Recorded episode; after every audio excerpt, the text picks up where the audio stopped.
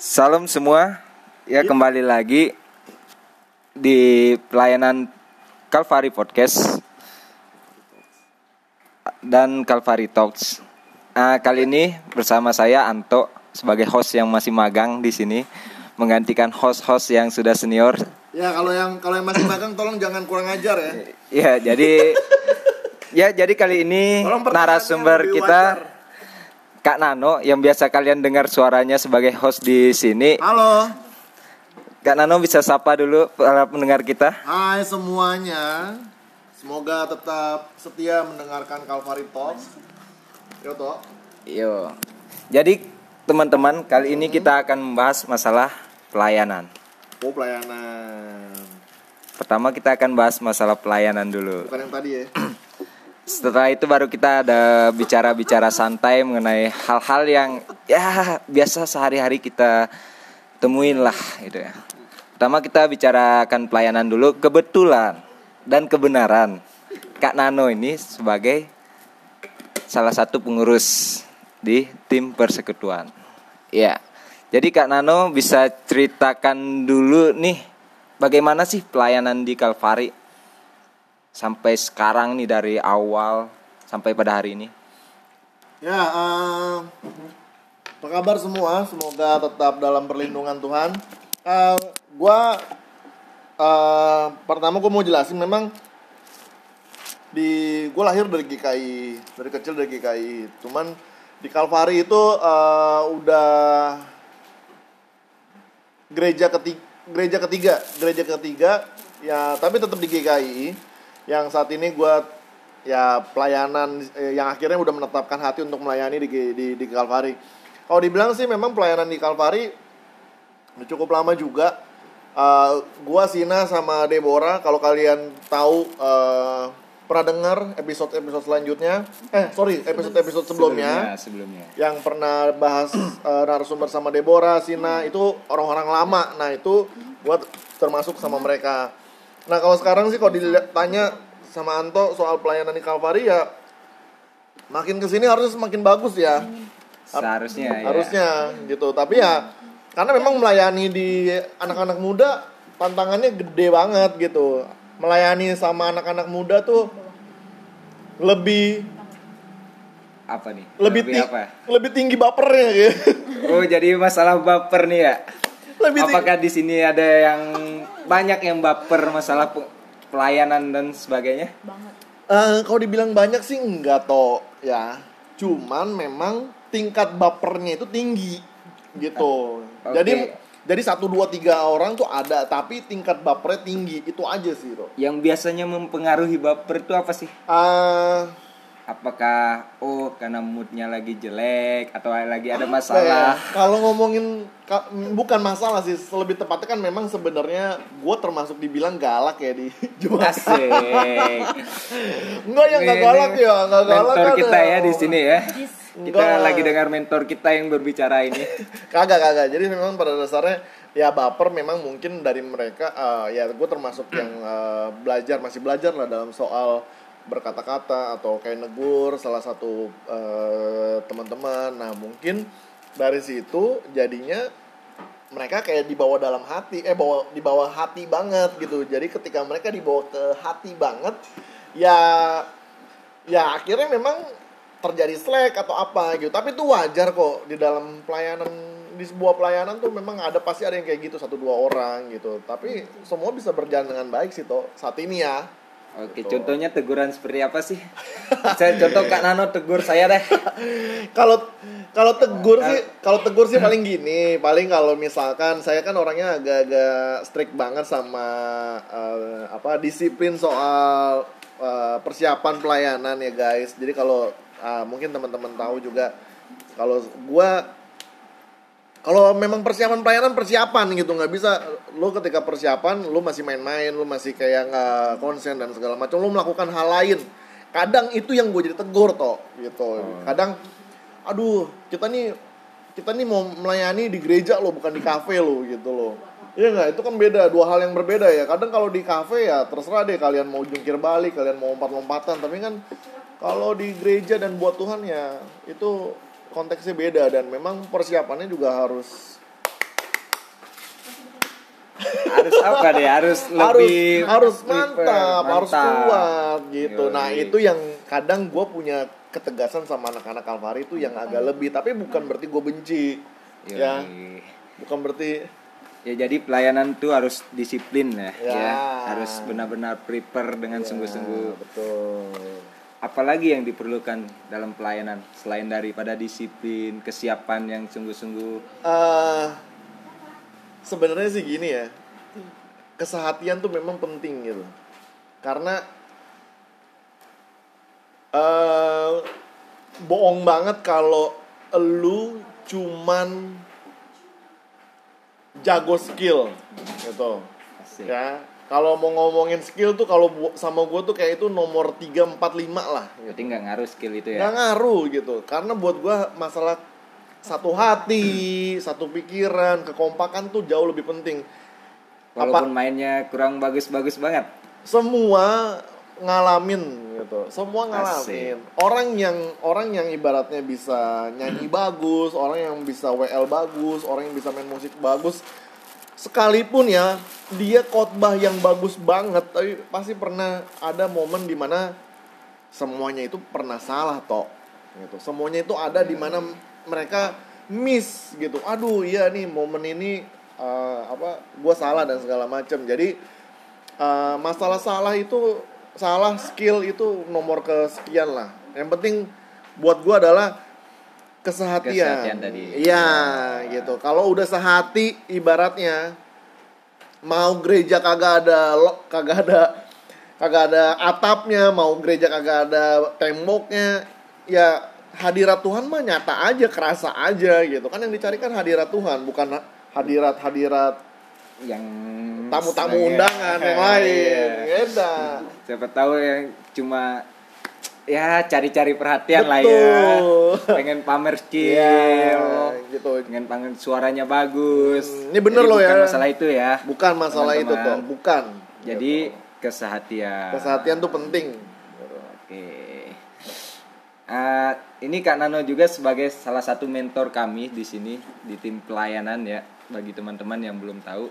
Jadi emang ya orangnya sangat disiplin banget walaupun kadang suka datang telat, mohon maaf. Tapi dia disiplin banget masalah latihan dan segala macam. Uh, kalau dulu mah pelatihannya luar biasa. Keras. Keras dan menyebalkan. Tapi puji Tuhan. Semakin ke sini semakin lebih baik. Tuhan ya Tuhan hatinya. Sudah ya membawa dia ke arah yang lebih baik. Karena memang gini guys, biar teman-teman tahu, emang kalau pelayanan yang masih ibaratnya semua rata-rata anak muda, belajarnya itu sama-samanya itu emang apa ya?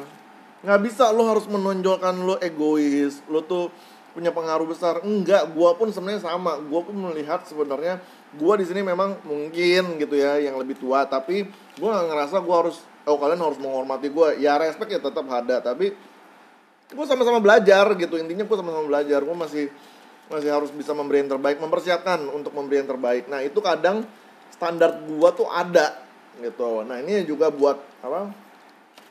Buat teman-teman juga bahwa ya kalau mau melayani melayani Tuhan kalian harus punya standar. Standarnya itu ya masalah kedisiplinan ketegasan terus ya masalah kalian harus menyatu sama yang lain membaur sama yang lain dan merendahkan diri gitu ya. Maksudnya kayak hati tuh harus direndahin.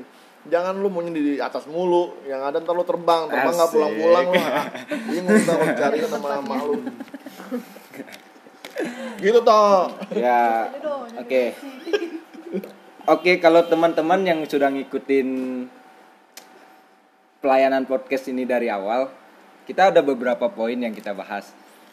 Ya terutama masalah pasangan hidup ya teman-teman pasti sudah dengar ya hmm. Nah, kebetulan Kak Nano ini salah satu yang di sini yang sudah berkeluarga. Hmm. Karena kebanyakan anggota jemaat di sini kan anak notabene anak muda yang masih single, masih belum berkeluarga. Hmm. Jadi Kak Nano ini salah satu yang sudah berkeluarga selain daripada gembala kami di sini. Nah, Kak Nano boleh cerita-cerita sedikit perjuangannya untuk mendapatkan untuk mendapatkan seorang pasangan hidup. Kalau di episode sebelumnya kan kita sudah mendengar ada tips-tips dari teman kita, tapi sayang belum ada gitu kan. Kita pengen dengar nih dari yang sudah ada. gitu. Itu bagaimana? Eh, kasih tips lah dalam memilih pasangan hidup. Eh, siapa sih yang belum ada toh? Sina ya? Kasihan amat. ya begitulah. Di episode sebelumnya kan kita sudah dengar. Enggak, enggak, enggak, enggak, enggak. Enggak kasihan gua memang memang Nah. waktunya belum aja, Yoi. tapi pasti Tuhan bakal jawab buat Deborah, buat Sina tuh pasti Tuhan bakal jawab. Eh, jadi intinya kalau masalah tips untuk Memilih pasangan Memilih. hidup yang benar. eh, Itu seperti apa sih? sebenarnya sih relatif ya toh ya. Tapi pada dasarnya kalau teman-teman tahu, gue termasuk yang gue termasuk orang yang sangat-sangat bawa itu dalam doa tuh sungguh-sungguh. Jadi eh, terus kita bukan bukan. Eh, satu memang untuk itu pasti semua teman-teman atau semua orang yang lagi mencari jodoh pasti bakal bawa dalam doa. Tapi gue pernah di satu gue pernah di satu titik kalau kriteria dari diri gue itu yang memang harus diturunin jauh banget gitu kalau dulu memang gue punya kriteria tuh yang ya Ya, minimal adalah. minimal minimal pasangan gue harus bisa main gitar lah Asik. Minimal bisa main musik supaya bisa main bareng gitu iya ya. bisa Yoi. bisa main musik bareng lah tapi akhirnya memang eh ke sini sih akhirnya ya turun maksudnya bener-bener gue ngerasa lu tuh siapa no? gitu. Lu hebat banget lu anak raja. Lu Asik. ya anak raja ya anak anak raja ya anak Tuhan ya kan raja kan. Tapi bukan maksudnya gue bukan anak Tuhan gue eh bukan.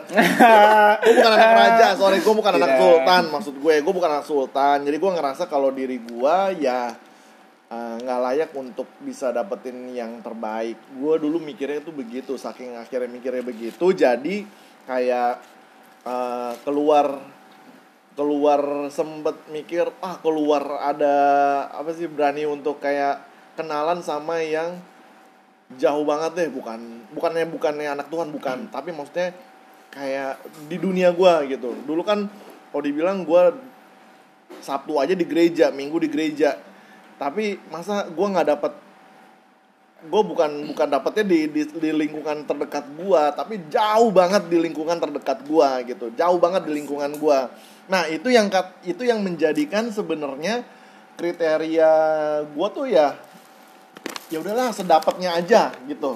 Itu sih toh masalah sedapatnya itu kayaknya harus lebih apa ya harus lebih berani gitu. Nah, lu kalau belum punya mental untuk ah udahlah gue sedapatnya aja ya ya apa ya, ya kayak- pasti ber- masih berkutat Iya, di berkutat. kriteria yang Nah. tadi gitu. kayak lu tuh cuman lu cuman mencari apa yang Lo inginkan. iya sedangkan padahal padahal kan sebenarnya menurut gue ya ketika sudah berumah tangga akhirnya gue tahu kalau namanya pasangan hidup itu bukannya harus yang sama kayak lu Hmm, masuk ke lu gitu iya. Tapi melengkapi. Yes, Iya. gitu. Nah, masalah melengkapi menurut gua ya lo harus lo harus benar-benar kayak ngerasa diri lo ya gua nggak layak untuk dapetin yang terbaik. Eh akhirnya tiba-tiba ya Tuhan kasih yang terbaik gitu kan. Iya. Tuhan kasih yang memang uh, di luar di luar pikiran gua gitu.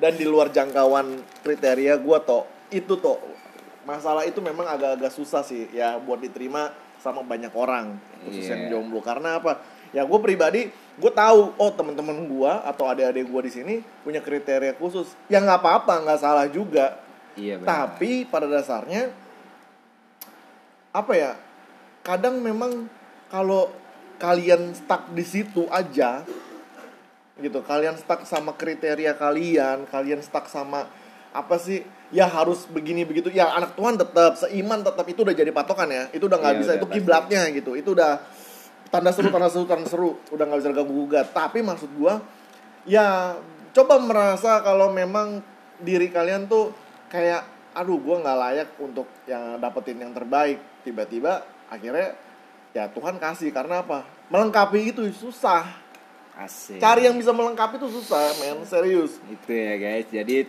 Tuhan tahu lah yang terbaik buat anak-anaknya gitu. Ya, pada dasarnya memang gua kan orangnya bawel ya. Ngomong mulu, ngocos mulu ya kan. Itu nah akhirnya Akhirnya ketemu pasangan yang bisa Eh, melengkapi itu. Gua dapetin pasangan juga yang bisa seimbangin gua lah intinya gitu. Asik. Jadi gitu ya teman-teman. Hmm. Tips dalam masang apa memilih pasangan hidup. Betul. Jadi ya kalau bisa standar yang terlalu tinggi itu ya Diturunin lah. bukan Susah. terlalu ini ya, tapi ikuti standarnya Tuhan. Ya. Oke. Terus Kak Nano nih. Hmm. Hmm, kita masih seputar Kalvari lah ya. Menurut Kak Nano, kondisi jemaat Kalvari ini sekarang bagaimana sih Ah, untuk anak-anak Kalvarinya? Ah, kondisinya gimana maksudnya tuh? Semua sih baik-baik aja kondisinya. Maksudnya baik-baik tentang aja. pelayanannya, Ya, terus kalau- kehidupannya sehari-hari. Ah, Karena kan gini, Kak Nano kan sebagai orang yang bisa jadi salah satu mentor kami gitu kan. Ya setidak ba- eh, sedikit banyaknya pasti ada yang ya Kak Nano aku lagi begini, aku lagi begini ada yang cerita gitu. Itu bagaimana? eh, sebenarnya kalau dibilang memang anak-anak Alvari ini termasuk anak-anak yang unik ya. Asik. Banyak banyak eh, ininya apa banyak Banyak warna. banyak hal yang bisa dipelajari gitu. Gue sendiri memang belajar dari anak-anak Kalvari itu ya masalah mandirinya mereka sih. Bukan berarti gue nggak mandiri nggak beda. Gue BCA sih sebenarnya. Gua nggak Iya. Intermezzo aja itu ya. ya, ya, maksudnya mereka pribadi yang gue bisa pelajari dalam soal bagaimana mereka fokus da apa yang mereka inginkan di Jakarta karena episode-episode sebelumnya kan banyak tuh yang gue bahas soal eh, anak-anak Kalvari yang merantau dan rata memang mereka merantau dan mereka bisa eh, survive di Jakarta nah itu mungkin salah satu hal yang gue gue belum tentu bisa eh apa sih namanya gue belum tentu bisa punya punya Mentalitas. mentalitas seperti seperti itu gitu. Gue pribadi yang gue sadar akan hal itu. Anak-anak Alvari ini saking beragamnya, ya mereka mereka punya seleksi alam masing-masing sih, itu. gitu. Seleksi alam yang bagaimana nih? Ya kadang yang yang apa kadang yang bisa kuat mereka yang bisa bertahan. Walaupun mereka minoritas dalam tanda kutip maksud gue. Contohnya ada beberapa anak yang tadinya tadinya gitu ya yang gue Iya. lihat mereka ketika datang ke Jakarta sama-sama berempat berlima tapi sampai sekarang akhirnya cuman sendiri ya kan Iya. nah itu kan menurut gua eh, hal yang apa ya eh, ya kalau dia kuat saat ini dia kuat sendiri ya berarti dia punya apa sih punya daya tahan tuh cukup kuat. Nah itu yang mungkin kalau gua jadi dia atau gue jadi kalian gue mungkin belum bisa gitu. Gue belum bisa sekuat kalian sebisa bertahannya kalian terhadap eh, pergaulan di Jakarta. Gue ya gue tahu kok soal Jakarta tuh keras dan kayak gimana gue ngerti banget gitu. Tapi ya gue salut sama anak-anak Alvari Eh, mereka punya warna yang berbeda ya. Mereka punya cara berpikir untuk mereka bisa fokus apa yang mereka apa yang mereka inginkan di Jakarta ini ya itu gue belum tentu bisa dan ada di mereka gitu jadi gue cukup salut lah sama semua anak-anak Alvari gitu gue cukup belajar dari mereka gitu. Oke, terima kasih Kak Nano buat perbincangan kita yang super sekali hari ini ya teman-teman. Jadi ya terima kasih telah mendengar eh, Kalvari podcast hari ini. yes Dan kalau ada salah-salah kata baik saya maupun Kak Nano kami minta maaf. Semua Ah. ini demi kebaikan kita bersama. yes Ya sekali lagi dari saya jangan lupa untuk bahagia. Kan Ya. hidup itu harus selalu happy, dibawa Ya, santai, benar. jangan terlalu mikirkan masalah apa pun yang terjadi ya, bawa semua dalam pergumulan. Oke, sekian dari dari saya. Ya, dari kami Salam semuanya. Ya, dah. Sehat-sehat selalu teman-teman. Tuhan memberkati. Iya.